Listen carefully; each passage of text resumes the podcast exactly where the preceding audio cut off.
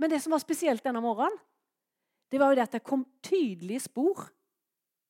Det kom tydelige spor etter oss. Det var ikke tvil om på en måte at det andre mennesker Nå bor det jo ikke så veldig mange på Laura, kanskje, da, men det var ikke tvil om at de, da, de som eventuelt ville være ute på den morgenen, kunne se om vi hadde gått henne. For det var tydelige spor. Um, så har jeg tenkt på det. Hvem er det som har satt dype og tydelige spor i mitt liv? Neste bilde nå. Og Jeg er sikker på at du som nå mer kanskje tenker på noen mennesker nå som har fot, satt fotavtrykk i ditt liv. Både på godt og vondt. Men i dag så ønsker jeg fokus på de gode sporene.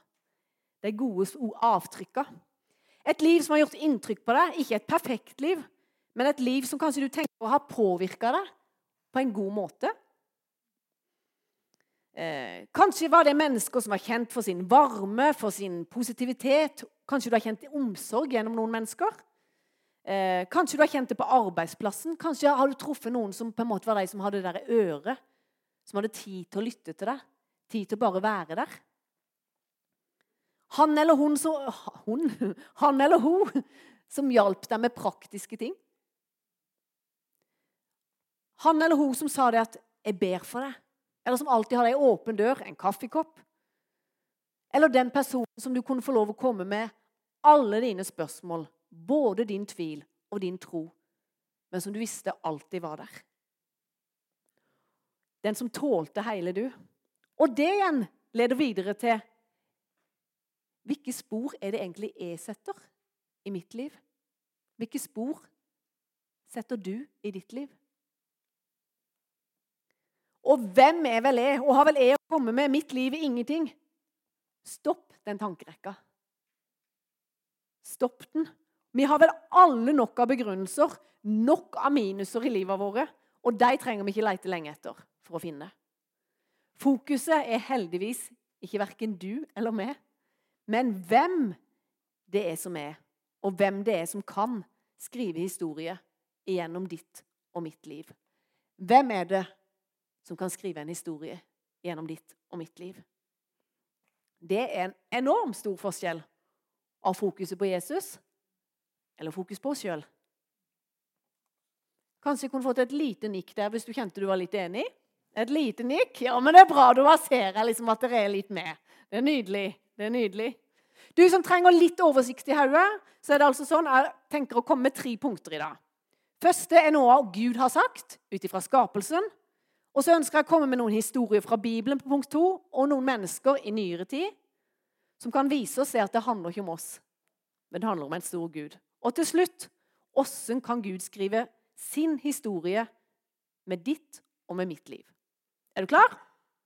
Ja, det er bra. Da begynner jeg, da begynner jeg på begynnelsen. Husker du spørsmålet som Eva fikk av slangen i hagen? Bilde tre. Har Gud virkelig sagt? Har Gud virkelig sagt? Slangen den beskrives jo som listig og litt sånn slu, utspekulert. Og var det ikke akkurat det slangen var? Hans mål var jo å gjøre opprør mot Gud.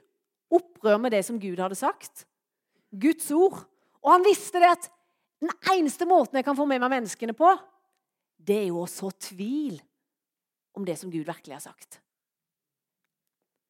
Og siden den gangen, i hagen, så har slangen han har fortsatt i det samme sporet. Han har stilt det samme spørsmålet gang etter gang etter gang. etter gang. For slangen vet jo at egentlig er jo Gud mektigere. Slangen er jo beseira. Djevelen er jo beseira. Men han fortsetter å prøve å lure oss med det samme spørsmålet. Den eneste måten han kan vinne fram på, det er å så tvil iblant oss. Og har han tvil om det. Ja, det er jo tankene våre, at vi skal få tankekjør. Har Gud virkelig sagt at han elsker deg? Nei, det kan da ikke stemme at du er så forbaska verdifull. Har Gud virkelig sagt det? Nei, jeg føler meg jo ikke så elska. Nei, jeg føler jo ikke jeg har noe verdi. Nei, jeg kan jo ingenting. Har Gud virkelig sagt? Og så kan vi bli fulle av de tvilstankene. Og så etter hvert så begynner vi å tro på det. Så sier Guds ord at du er skapt i Guds bilde. Og når Gud så det han hadde skapt, hva sa han da? Han så at det var gjort fullkomment og perfekt. Det er det Gud sier. Har Gud virkelig sagt at jeg er god nok? Eller har Gud virkelig sagt at det er bruk for det? Djevelen prøvde jo til og med å lure Jesus. Jesus han var akkurat blitt bekrefta på at han var Guds sønn når han var der sammen med Johannes. Du husker kanskje den stemmen som kom fra himmelen, som sa at 'Dette er min sønn, den elskede. I han har jeg min glede.' Det var det Gud talte utover Jesus, bekrefta på en måte det. Og rett etterpå så prøver djevelen også å tvile hos Jesus. Selvfølgelig når han er på sitt aller svakeste. Og tid er det, Ole Georg? Når en er skrubbsulten. Ikke vel? Da er det, da kan det skje mye, dere. Hæ? Den kommer rett hjem fra jobb, og blodsukkeret er lavt. Det er ikke alltid like lett. Hvis du er Guds sønn, får Jesus høre. Hvis du er Guds sønn, er du virkelig Guds sønn? Er du det Gud har sagt? Vi blir òg frista til å tvile på Gud og hans løfter. Spesielt de periodene når en er sliten, både kroppslig og følelsesmessig. Da er jo tankekjør gjerne på det verste. Og Hver dag så kan vi jo kjenne på ulike tanker, og noen har mer tankekjør enn andre. Og Da er det jo fort at vi kan komme inn i sammenligningsmodus. Har du vært i det noen gang? Det er fryktelig slitsomt. Har Gud virkelig sagt at det er god nok? Nei, han er jo mye bedre enn meg. Og så begynner vi å sammenligne oss. Og da er det veldig fort at vi kan enten sette oss over andre, og så blir vi kritiske. Mm. Nei, da er vi mye bedre enn alle andre. Eller så legger vi oss under. Nei, jeg kan ingenting. Alle andre er så mye bedre enn meg. Har Gud virkelig sagt at det er bruk for meg? Og dette er jo ikke noe som skjer over natta. Det er jo på en løgntanker som på en måte får lov å vokse og vokse og vokse. Og Etter hvert så blir sannheten om det som Gud sier, den blir viska vekk. Og så tror vi på de løgnene. Og så er det som den sleipe eller slue slangen. Akkurat som han bare står der og smiler. Kan slanger smile, forresten? Men jeg vet ikke, jeg ser det for meg, den sleipe slangen med tunga ut av kjeften. Da smiler han. Han kan få lov å lure oss til de her løgntankene. For det er den eneste måten han kan klare å vinne på, på en måte. For han har jo allerede tapt. Men han kan få sådd den tvilstanken inn i oss. Var det sånn Gud hadde tenkt det? Nei! Han vil jo ikke at du skal gå rundt og tenke at 'nei, jeg kan ingenting'. 'Jeg kan ikke være med på noe. Jeg duger ikke'. Gud, I Mosebøkene skal vi lese at når Gud hadde skapt verden og menneskene, så så han på det, og han var svært fornøyd. Hele sju ganger. Åtte var det. Sju. Sju ganger bekrefter han sitt skaperverk i Mosebøkene. Det må jo bety at han er ganske fornøyd. Og så skal jeg og du gå rundt og ikke være fornøyde? Når Gud sju ganger bekrefter sitt skaperverk? Han gleder seg over menneskene, han velsigner dem. Det er det som er Guds skapelsesutgangspunkt. Det er Guds tanke ifra skapelsen av. Han bekrefter folk, og igjen og igjen sa han til dem jeg har en plan. Jeg vil ha deg med på det jeg gjør i denne verden. Jeg vil være sammen med deg, og jeg vil samarbeide med deg. Det ønsker han. Han kalte menneskene, bekrefta dem, utrusta dem, og så ønsker han å lede dem. La oss ta en kikk på noen av de menneskene i Bibelen. Moses han er en av dem. Han er jo en nøkkelperson når Gud skriver sin historie inn i vår verden. Situasjonen den var jo sånn at farao ville gjøre israelsfolket til slaver. Han kom jo med denne grusomme beskjeden om at alle nyfødte unger, altså guttebarn, skulle tas livet av. En forferdelig beskjed. Han ville ikke at folket skulle vokse. Og mot alle odds så overlever jo Moses dette her.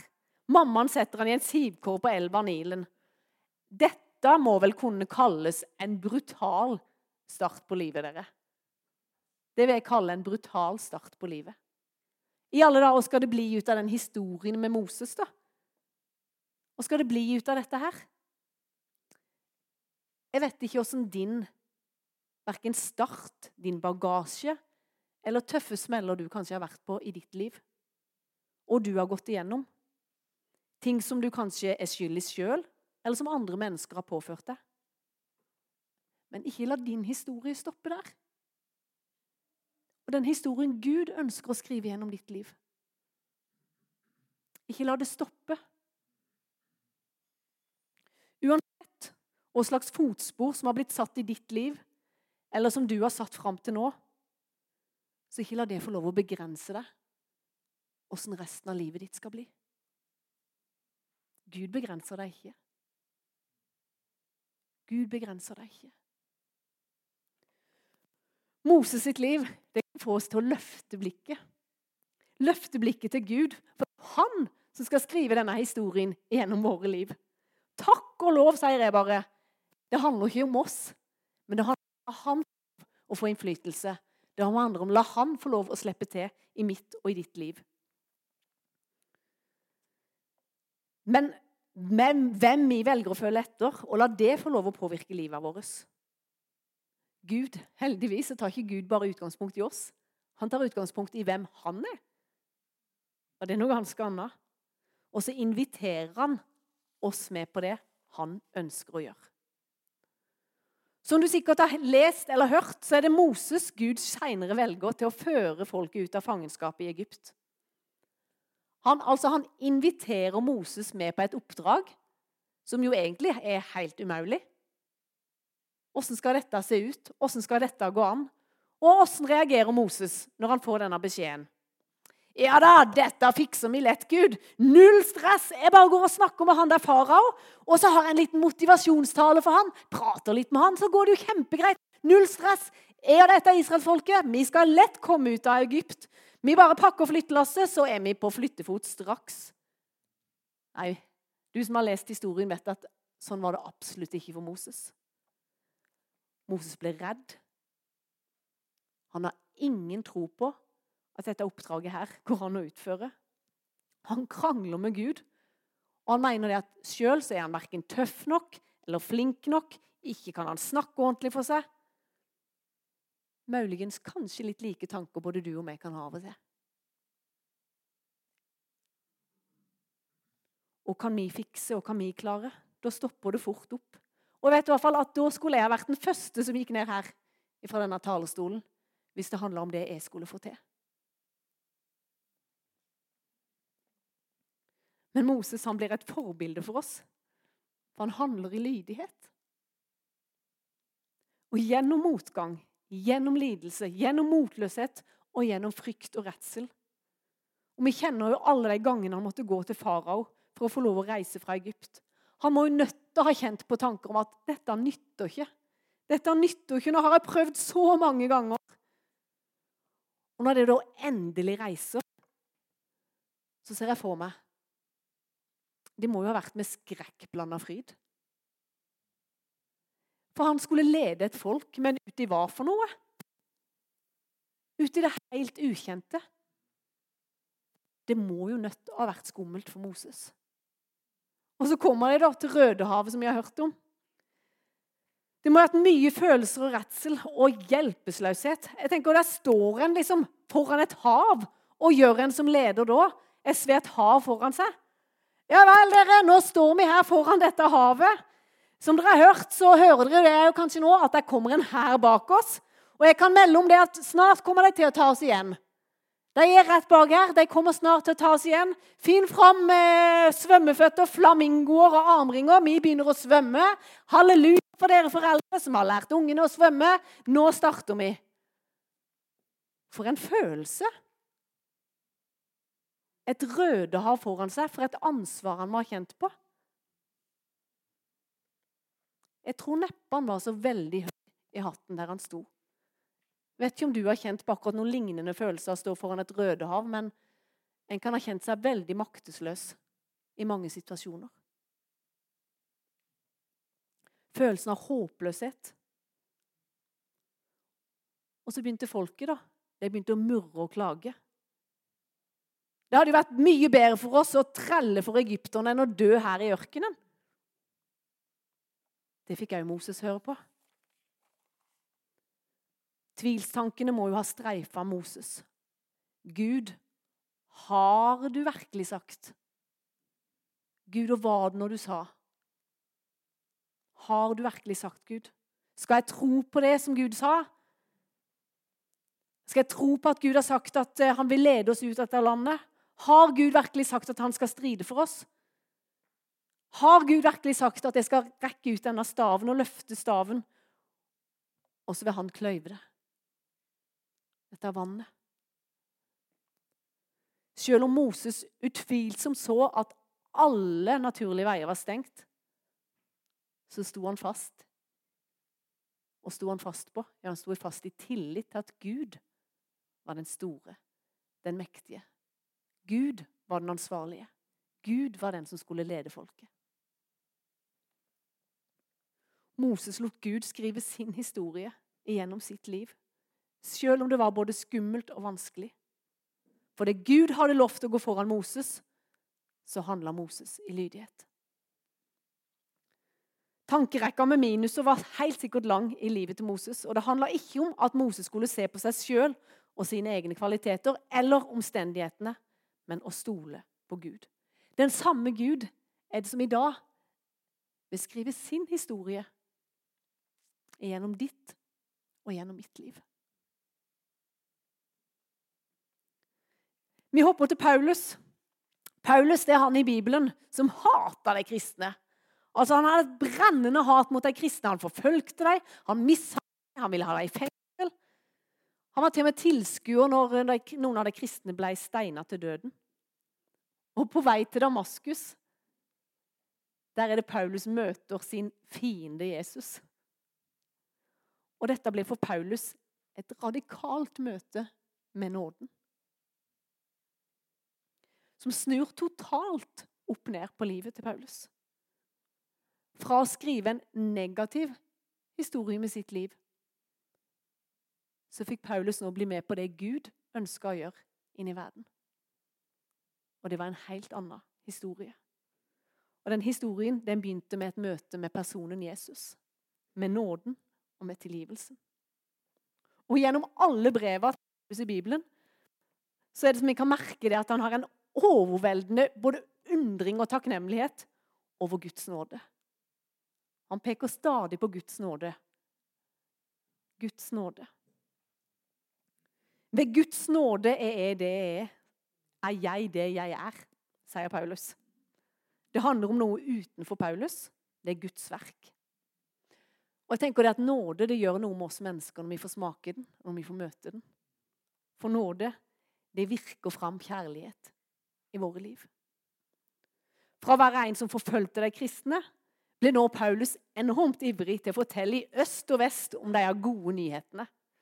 Det handler ikke om hvor flink han er, og hvor god han er og prektig han har vært, men på tross av alt det Paulus har gjort. Det handler om Guds nåde. Og som vi vet, så ble Paulus en av de viktigste lederne i den tidlige kristne kirka. Gud skrev sin historie gjennom Paulus sitt liv. Disiplene, da? Hvem var de? Perfekte mennesker som gjorde alt riktig? Nei, ikke i det hele tatt. Helt vanlige folk, akkurat som du og meg. De hadde tatt et valg om å følge etter i sporet av en. De hadde tatt et valg om å følge etter personen Jesus. Og de hadde fått Den hellige ånd når Jesus reiste ifra dem.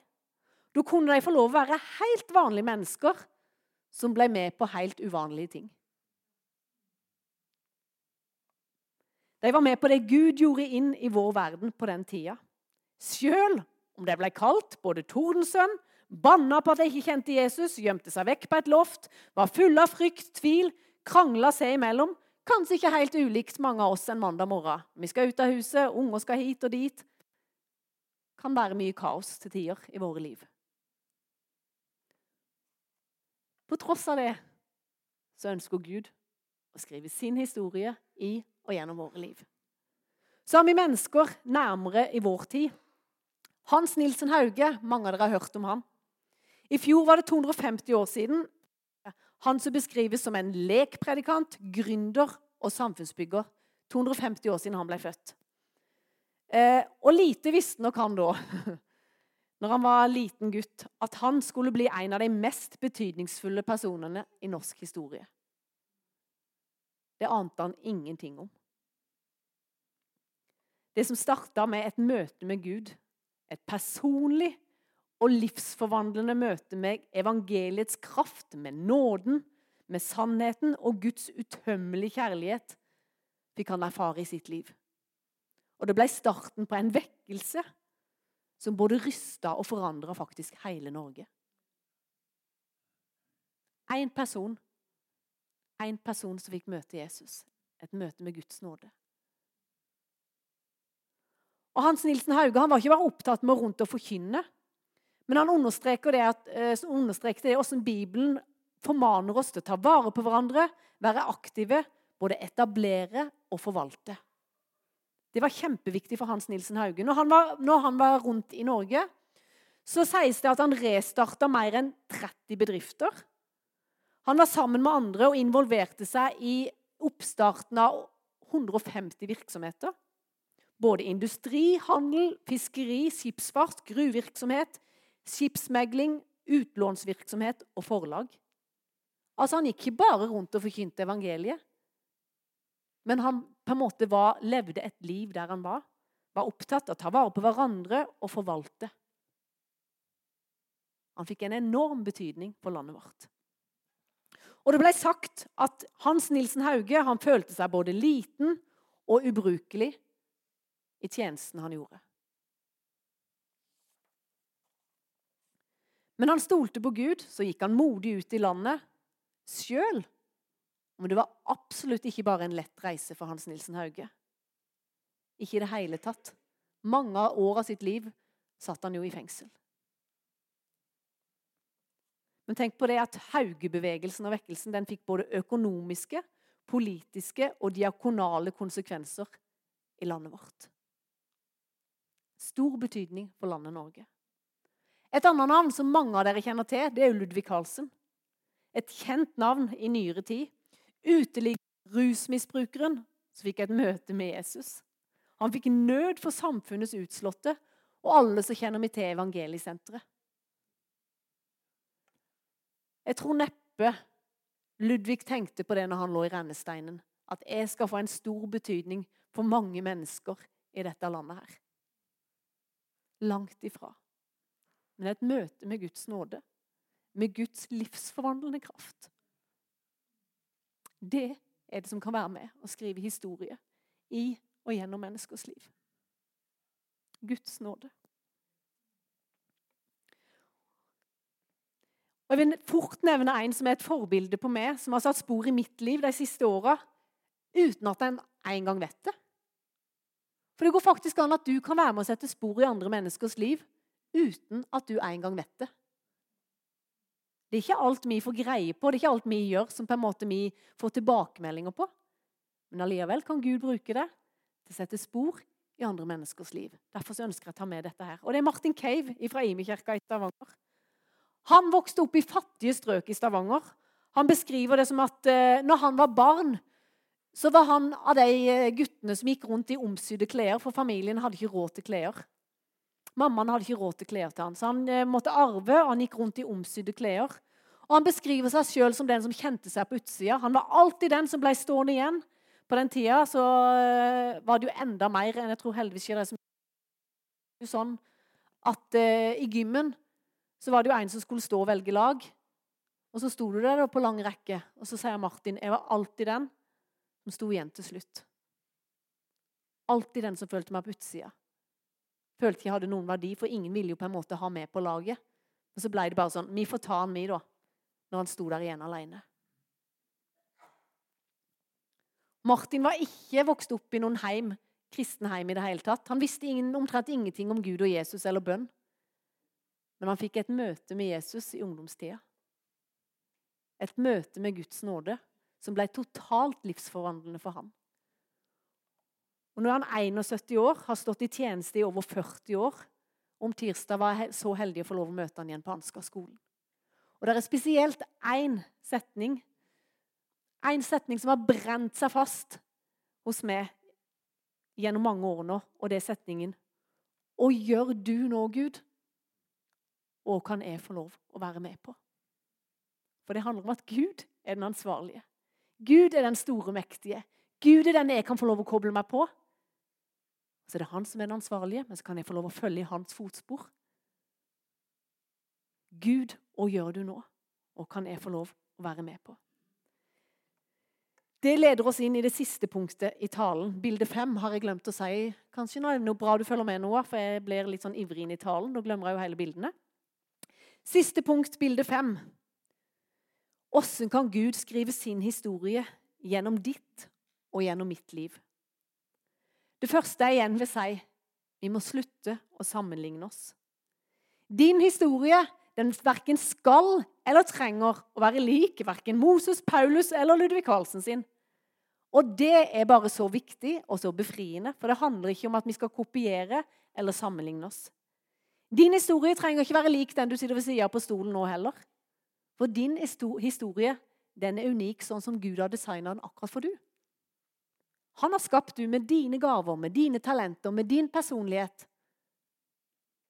Og det er han fornøyd med, for det er jo han som har skapt deg sånn. Så la oss slutte å prøve å være noen andre, for det er bare et strev. Jeg tror Gud har noe eget for ditt liv, samtidig som han har noe for oss som menighet, som vi sammen kan være med på det som Gud gjør her i Froland. Noe for du, og noe for oss som menighet. Vi har snakka om at fokuset vil være det å gi Jesus videre. Ikke stem deg sjøl ut og tenk at 'nei, det kan ikke jeg være med på'.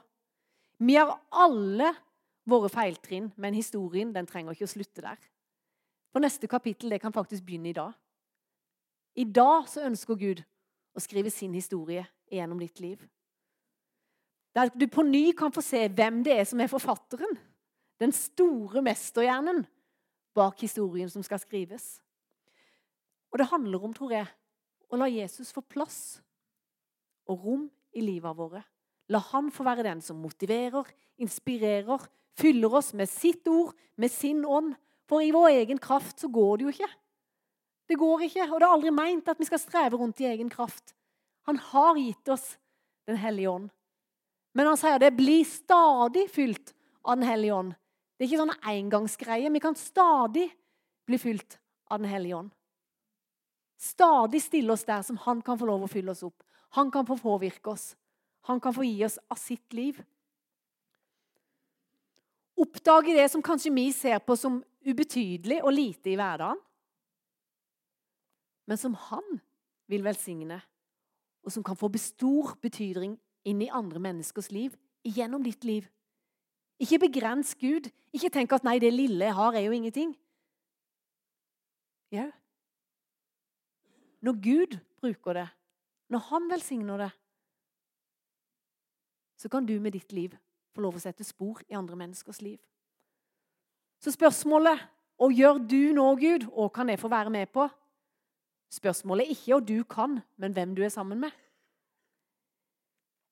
Og så er det så godt at ingenting av det som skjer i våre liv, eller i vår menighet, det kommer jo overraskende på Gud. På oss så kommer det sjokkerende av og til. At livet på en plutselig så skjer det noe. Så kan vi bli sjokkert, og vi kan på en måte stoppe litt opp. Men ingenting av det som skjer, kommer jo sjokkerende på Gud. Han er der alltid. Han har oversikten. Han har kontrollen. Han er med deg. Uansett hvilken sesong du er av livet, så er han der. Martin Cave sa noe fantastisk om tirsdag. Han sa la oss ikke være så opptatt av det vi trenger til, men la oss ha fokus på det Jesus vil gi oss. En god setning. Fokuset fort kan, vårt kan fort bli alt det som vi mangler eller trenger. Men tenk på alt det Jesus vil gi. Alle løftene han allerede har gitt. Det er ikke lite. Forrige gang jeg talte, så sa jeg litt om evangelisering, som for mange kan være et litt vanskelig ord. Jeg kan ikke huske og har lest så veldig mye i Bibelen om at Jesus var så opptatt av å vinne mennesker. Men jeg har sett mye at han var opptatt av å elske mennesker, stoppe hos mennesker, bry seg om mennesker.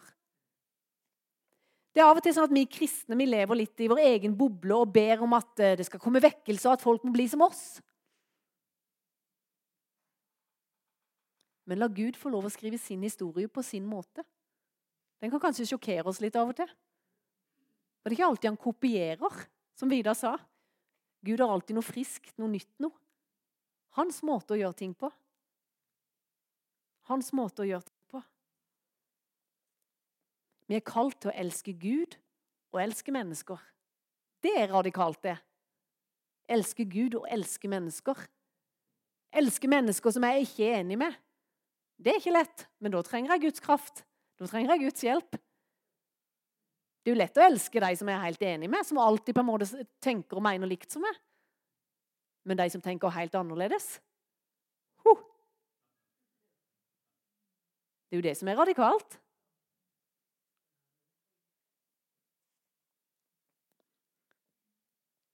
Hver vår historie er en reise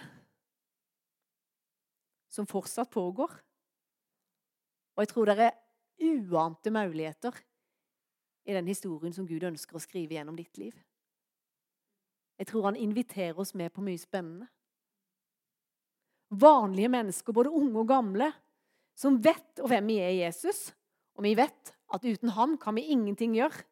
Fylt av Guds kraft, som får lov å være med på det Gud ønsker å gjøre i denne bygda. På den skolen der du er, på den arbeidsplassen der du er, iblant dine venner, i ditt nabolag. Altså I Bibelen finner vi fiskere, skatteinnkrevere, sauebønder, teologer og leger. Gud kan bruke du med din personlighet, den du er. Han har lyst til å ha deg med på laget. Det trengs noen med din historie, dine opp- og nedturer. Det trengs noen med dine talenter. Samme rare eller mangelfulle du tenker at det, de er, det har ingenting å si. For det er Gud som er den store. Det trengs noen med dine ressurser. Samme små du tenker at de er. Det trengs noen med dine kunnskaper. Det trengs noen med dine tanker, med dine ord. Det trengs noen med din humor. Eller din mangel på humor. Men Gud inviterer deg med. I din hverdag. Uansett åssen din hverdag ser ut. Vi kan tenke at nei, nå må jeg sette en parentes, nå må livet være litt på vent, for nå skjer det og det i livet. Nei, akkurat sånn som livet ditt er nå akkurat sånn som livet ditt er nå, så kan Gud skrive sin historie. Jeg har sagt det før, men jeg var på mitt aller svakeste, midt i min største sorg, så opplevde jeg at Gud kunne bruke meg uansett. For bare når jeg la hendene på mamma og ba og velsigna henne hjemme i heimen vår, så snudde jeg meg, og så var det sykepleiere som bare tørka sine tårer. For Gud var i det rommet. Han skrev en historie der, midt i det som var så vondt. Midt i ditt liv Uansett åssen det ser ut, så handler det om hvem vi kobler oss på. Vi kan plante og vanne med det Gud har gitt oss. Og så er jeg så glad for at vi skal overlate til Han å gi veksten. Det er ikke vårt ansvar, og takk og lov for det. Men vi kan få lov å bruke våre gaver, våre talenter, følge etter Han, i fotsporet av Han og være med å sette spor i andre menneskers liv men det er kun Gud som kan gi vekst. Og det er jeg så glad for. Og det skal vi få lov å hvile i. Men når Gud gir vekst, så bruker han altså oss til å være med og så og vanne. Du inviteres med. Lovsangere, kan ikke dere komme opp? Utfordringen i dag er altså Vil du være med på det Gud gjør? Vil du være med på det Gud gjør? Stopp alle de negative tankene om at du kan ikke, jeg kan ikke noe. Jeg duger ikke, jeg er ikke verdifull. Nei, alt er håpløst, verden er så mørk nå. Nei, det skjer jo ingenting. Gud vil skrive sin historie. I og gjennom ditt liv, og i og gjennom vår menighet. Hvorfor tør jeg være så frimodig på det? Jo, fordi at Gud, det er han som står bak det. Det er ikke vi som står bak de løftene. Det er Gud som står bak de løftene. Gud som sier at 'jeg har kun tanker til framtid og håp for ditt liv og for denne menigheten'. Gud er den som sier 'jeg kan mer enn alt'. Gud er den som er mektig, og som har meg på lager. Vil du være med på det Gud gjør i verden i dag? Det som jeg ser at han står og inviterer oss. Han inviterer oss. Han inviterer du. Han inviterer du med på laget. Han vil ikke at du skal være den ene som står igjen. Tenk, nei, jeg kan ingenting. Den som ble valgt til slutt. Nei, han inviterer deg med. Og så er det han som er den ansvarlige. Han er den. Det er det som er så fantastisk, at den han kaller, utruster han. Han er den som gir det vi trenger til. Nå er det sånn at I dag så ønsker vi å ha bønnetunnel. Det er noen som er blitt spurt om det på forhånd, så kan ikke dere komme fram nå. Og Bønnetunnel det er rett og slett en bønnetunnel eller en velsignelsestunnel. Der vi har tro på at Gud virker. Gud virker gjennom de menneskene som står her nå. Til å velsigne du. Velsign, be om Guds velsignelse inn i ditt liv. Og så er det sånn at Vi ønsker at bønnetunnelen det, det på en måte skal ikke stoppe opp. Der skal en bare gå igjennom. Du kan gå så mange ganger du vil, men vi stopper ikke opp i bønnetunnelen. Vi bare går igjennom. Men dersom du ønsker enda mer forbønn, så kommer jeg til å stille meg der henne. Og da er det sånn at hvis du ønsker å, på en måte, Der er ting i livet ditt som du ønsker å bli bedt mer for, så bare går du videre hen der, og der har vi bedre tid. Men bønnetunnel det at de menneskene her skal be om Guds velsignelse inn i livet ditt. Da bare er det sånn at vi reiser oss, og så er vi i lovsang og bønn og tilbedelse, og så kan du bare begynne å gå gjennom den bønnetunnelen. Jeg bare takker deg, Gud, for at du er her nå. Takker deg, Gud, for at du er her og ønsker å berøre mennesker. Jeg bare takker deg, Gud, for at du er den som ønsker å invitere oss med på laget. Invitere oss med på det som du ønsker å gjøre inn i denne verden, inn i Froland. Takk at du, Gud, ønsker å sette spor i våre liv i kveld så at vi igjen kan være med å sette spor i andre menneskers liv. Takk at det handler ikke om oss, men det handler om at vi kan få lov å koble oss på du som er den store, du som er den mektige. Bare kom, Hellige Ånd. Kom, Hellige Ånd, og bare rør med mennesker i kveld. Kom, Hellige Ånd, og gjør ditt verk. Og vi bare roper til du, far. Kom, Hellige Ånd. Jeg bare ber alle negative tanker som har prøvd å hindre mennesker, alle løgntanker som har satt seg fast i menneskers liv, far. Om vi bare løser ut din frihet. Ber om din frihet inn i menneskers liv, så mennesker skal begynne å tro på dine sannheter, far. Hvem de er, far, og hvem du sier at de er. Å, Gud, jeg bare taler ut ditt liv her i kveld. Jeg bare taler ut ditt liv. Frihet for mennesker. Frihet for mennesker til å se hvem de er, hvem du har skapt dem til å være. I Jesu navn. I Jesu navn. Amen.